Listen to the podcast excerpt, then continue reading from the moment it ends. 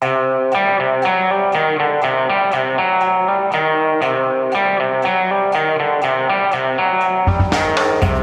Biden har stått opp fra de døde og er nå favoritt til å bli demokratenes presidentkandidat.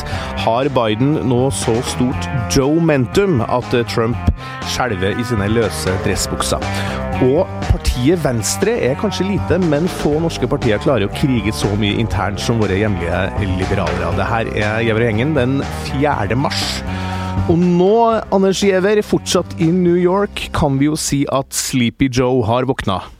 Det har han virkelig, og han gjorde det jo enda bedre øh, denne gangen enn forventa. Klarte faktisk å vinne Texas, som ligger vest for Mississippi. Man, man sa jo liksom opprinnelig at, øh, at øh, Biden hadde østkysten og, og Sanders vestkysten, men nå har, han, nå har han også da tatt Texas. Og det er også grunn til å spørre seg om han ville ha gjort det enda bedre i California om det ikke var så mye forhåndsstemming der. Er du overraska over eh, nattens eh, resultater? Ja, det må jeg si jeg er. Jeg, jeg, hadde trodd at Jeg hadde ikke trodd han skulle gjøre det så bra i Texas. Jeg trodde heller ikke han skulle gjøre det så bra i, i Minnesota eller Massachusetts. Det er masse sånne stater hvor han ikke engang hadde kampanjekontor. Sleepy Joe har, har tatt det litt med ro, får man si. Og han vinner da på dette her Joe-mentumet. Og eh, det er helt åpenbart at dette i, blant demokratene blir et valg om hvem man tror kan slå Trump. Det blir det aller viktigste.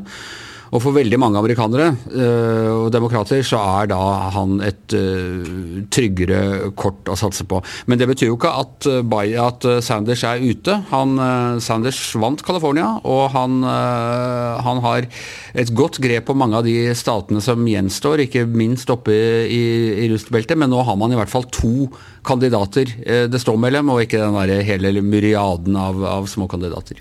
Per Olav Ødegaard, vi snakka jo om eh, det her i går også, om hvem som er den eh, som er mest egna til å møte Trump. da.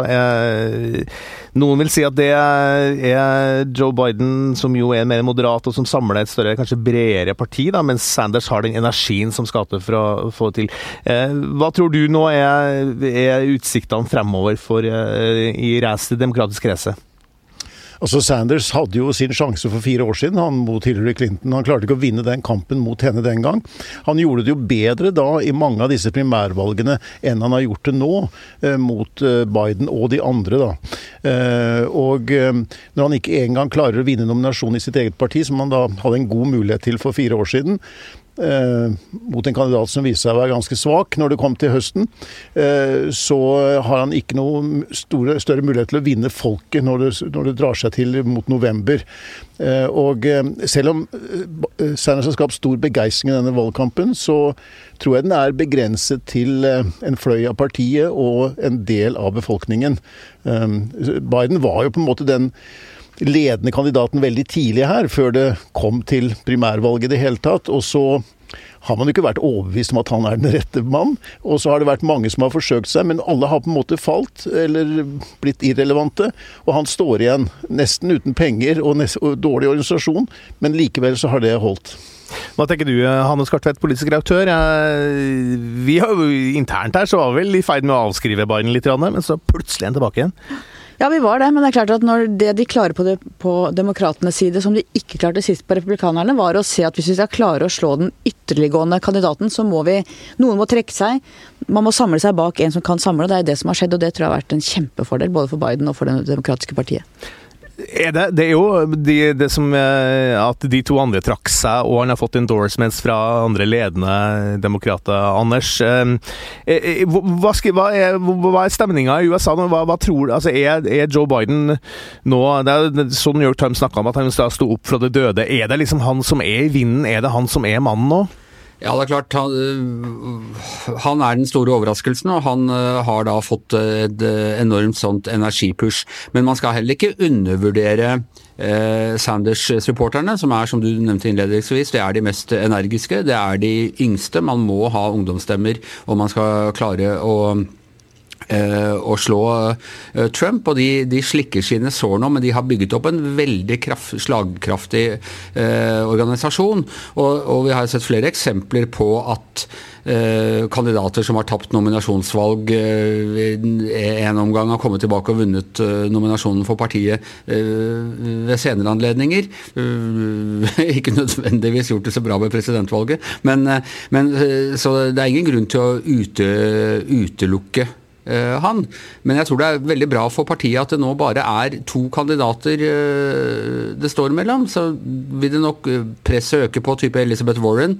Man må tro at veldig mange av hennes velgere vil samle seg bak Sanders, og så det, blir det også han Mike Bloomberg som, som også har slåst bort nå en halv milliard dollar på, på å lansere seg sjøl, og ikke fikk noe særlig uttelling for det. Det vil også være et visst press på han om å trekke seg. Og det var Trump veldig opptatt av på Twitter, så jeg.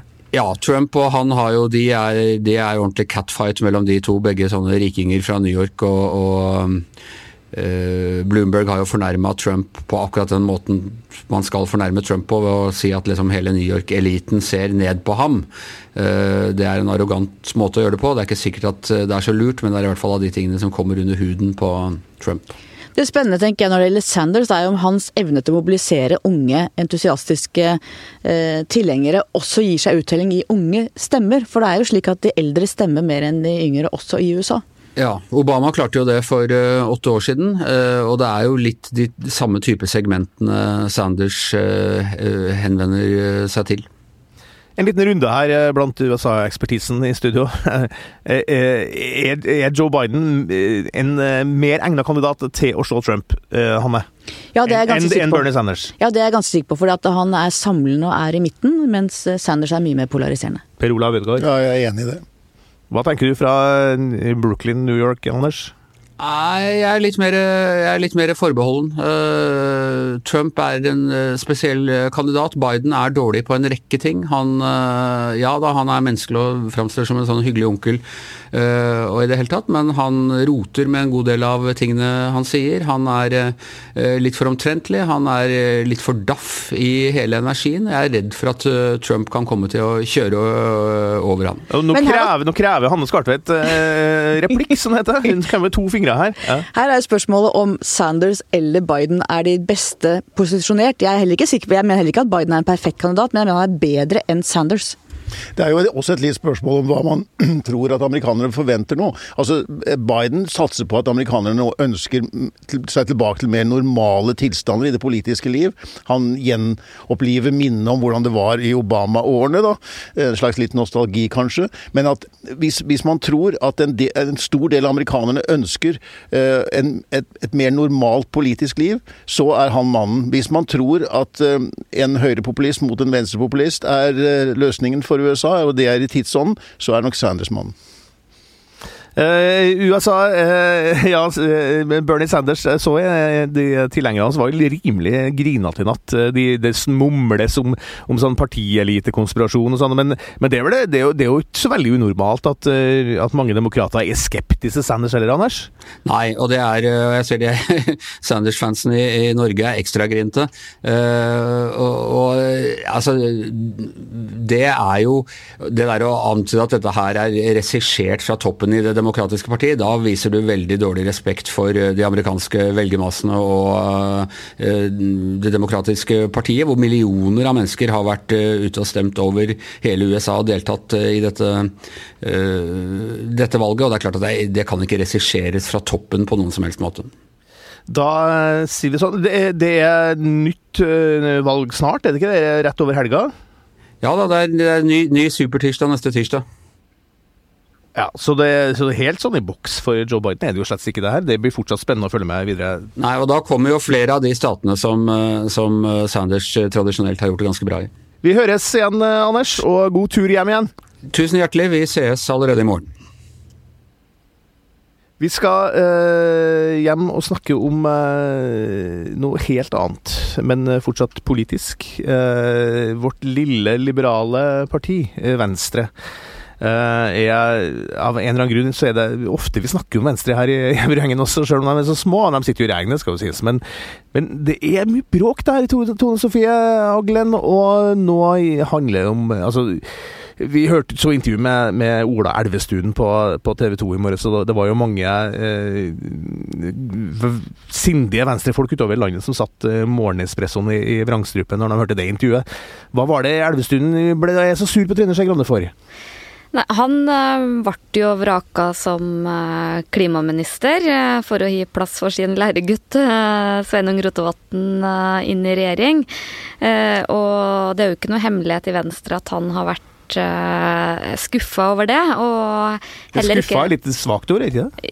Ja, men, men, det er ganske vanlig når folk blir vraka fra verv man syns man gjør en god jobb i, og han har jo vært en respektert statsråd, så, så, så, så blir man jo ofte Og det er ganske menneskelig, men eh, det, det spesielle her er at Ola Elvestuen har blitt oppfatta som en særdeles lojal støttespiller for Trine Skei Grande. De har jobba sammen i veldig mange år i Oslo. At han faktisk går ut i media og ikke bare setter ord på sin skuffelse, men også sier eh, det er ganske skjellsettende at Trine Skei Grande gjorde det her kun for å berge seg sjøl. Mm. Eh, det har nok Trine har først og fremst lytta til seg sjøl sjøl sånn. Ja. Det er ganske sterk Det er eh, veldig melding. sterk eh, kritikk. og og i dag så er det jo en sånn slags supertirsdag også i Venstre. For klokka fem i, om et par timer så møtes denne valgkomiteen i Venstre, som vi har snakka om mange ganger, og skal liksom nå sette seg inn i et uh, mørkt rom og, og, prøve å komme med en innstilling som skal komme på fredag. Og nå har vi snakka mye med folk, og det er på en måte helt åpent. Vi vet ikke hvordan den komiteen tenker. Og så kom også nyheten i VG i dag om at Unge Venstre holder fast på at de vil vrake Trine Skei Grande til fordel for uh, Sveinung Rotevatn. Yngve Kvistad, uh, vår venstreekspert ja. fra, fra, fra, gamle dager. Uh, du uh, kjenner jo Trine Skei Grande fra, fra gammelt av også, ja. og hun ville fortsette. Ja. Uh, hvorfor? hvorfor, vil ikke partiet bare fortsette med Trine som frontfigur? Det tror jeg Altså, Trine har gjort en kjempejobb som leder i Venstre. Hun har på mange måter samla partiet og fått partiet inn i regjering igjen. Uh, vi har vært sin egen uh, holdt på å si, gjenreisningskommisjon. Uh, men det er en tid for alt. og Det er mulig at det er en slags sånn tretthet i partiet på at, ja, at, du skal, at, du må skiftes ut. Det er jo for så vidt en naturlig, naturlig prosess i mange politiske partier. Men det er jo som, som Tone Sofie sier, at det er helt åpent hva som skjer i denne valgkomiteen. man har vel en slags altså I tillegg til, i tillegg til Unge Venstre, så vet man også at venstrekvinnene han eh, vil gå for uh, Rotevatn.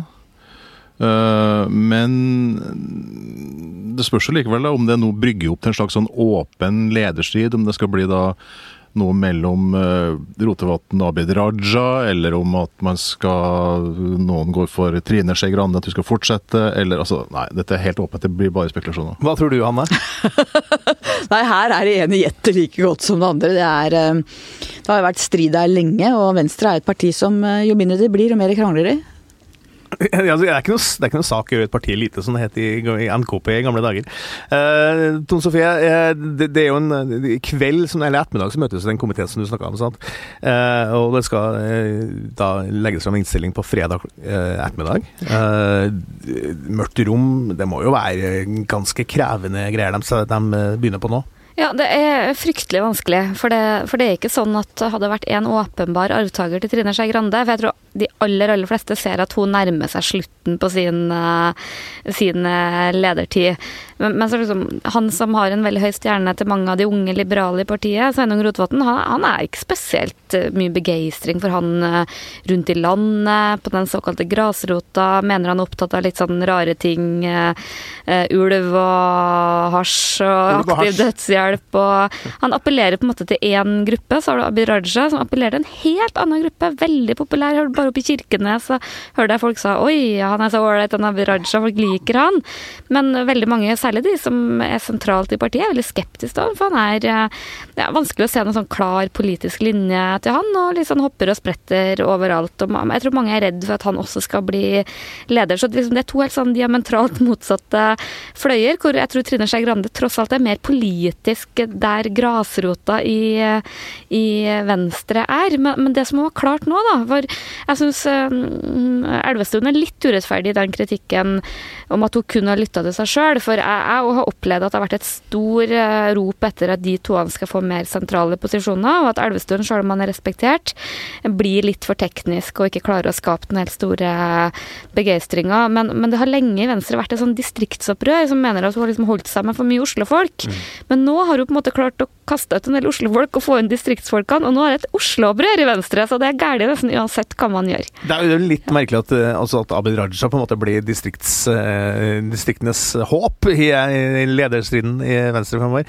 Eh, Trine Skei Grande eh, har jo vært en profilert og, og, skikkelig politiker i norsk politikk i mange år. er det på tide å trekke seg tilbake nå for Trine Hanne? Ja, Det ser i hvert fall at eh, store deler av partiet hennes mener. Hun begynte jo i Oslo, var aktiv der i mange år. Hun har jo brukt hele livet sitt på politikk og på Venstre. Og det vi ser er at det er en partileder som klamrer seg til makta og ikke vil gi slipp, og kanskje ikke selv ser at hennes tid er kommet. To Sofie, jeg er enig. Altså, ikke, når det er såpass mye uro internt, og, og, det er så mange uklare allianser og skillelinjer, er, det ikke på tide for Trine Barda og Skei Grande å bare si at OK, nok er nok?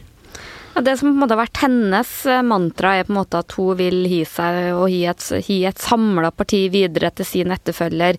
Hun ble sjøl partileder eh, da Lars Bonheim veldig overraskende trakk seg, og, og, det var en veldig kaotisk situasjon. Men det som har vært litt problemet i Venstre, er at uh, man har latt det gå veldig lenge. Man har ikke bygd opp noe åpenbar arvtaker, og jeg tror nok at, uh, at det er litt sånn problemet. Og man sitter i regjering, det er en viktig posisjon, og man har lenge trodd at, uh, at hun vil eh, berge nettopp fordi man har gjort denne fornyelsen og få nye nestledere inn. Men etter at Elvestuen eh, som hennes sterke støttespiller gikk ut i dag, så er jeg eh, for partiet sin del redd for at det her er på en måte å åpne en trykkoker. 3,3 på siste måling her i VG. Det er jo ikke noen sånn folkebevegelse bak Venstre heller? Overhodet ikke. Og jeg tror både det å skifte partileder og skifte folk i regjeringen, det er ikke noe quick fix for det partiet. Det har grunnleggende politiske utfordringer, så, så, så vi, vi, kommer nok ikke til å slutte å snakke om dem. Ja, så er det, jo et, det er jo et grunnleggende veivalg her som ligger til, til grunn. ikke sant? Skal, altså Partiet har den oppslutninga som du sjøl nevnte, Hans Petter. og Da må man skaffe seg enten må man da befeste posisjoner, eller så må man skaffe seg nye velgere. Og Da kan man jo da med Sveinung Rotevatn kanskje gå for å finne nye urbane velgere, om det er en mulighet. Eller så kan man rett og slett eh, velge f.eks. Eh, Abid Raja da, og satse på distriktet og grunnfjellet. og... Finnmarksmann. Ja, og han Altså, det med Abid altså, han, han, har reist veldig mye rundt i, i landet, og han har evna å begeistre mange fylkeslag rundt omkring. Og så står han for altså, en del sånn sentrale, litt sånn konservative venstreverdier, som eh, er noe helt annet enn det du finner rundt uh, kafébordene på Grünerløkka, som kanskje Sveinung Rotevatn mer appellerer til. Som er fra Distrikts-Norge? Som er fra Distrikts-Norge. Det er veldig rart der. Ja. Eh, hvem, hvem, hvem, skal, vi, skal, vi, prøve en liten tips på det her òg? Hvem, hvem, blir ny leder i Venstre, Hanne? Å guri, det blir litt sånn fingeren opp i lufta, men ja. det hadde vært veldig gøy hvis det ble Abid Raja. Det hadde vært gøy for oss, og for velgerne. Yngve?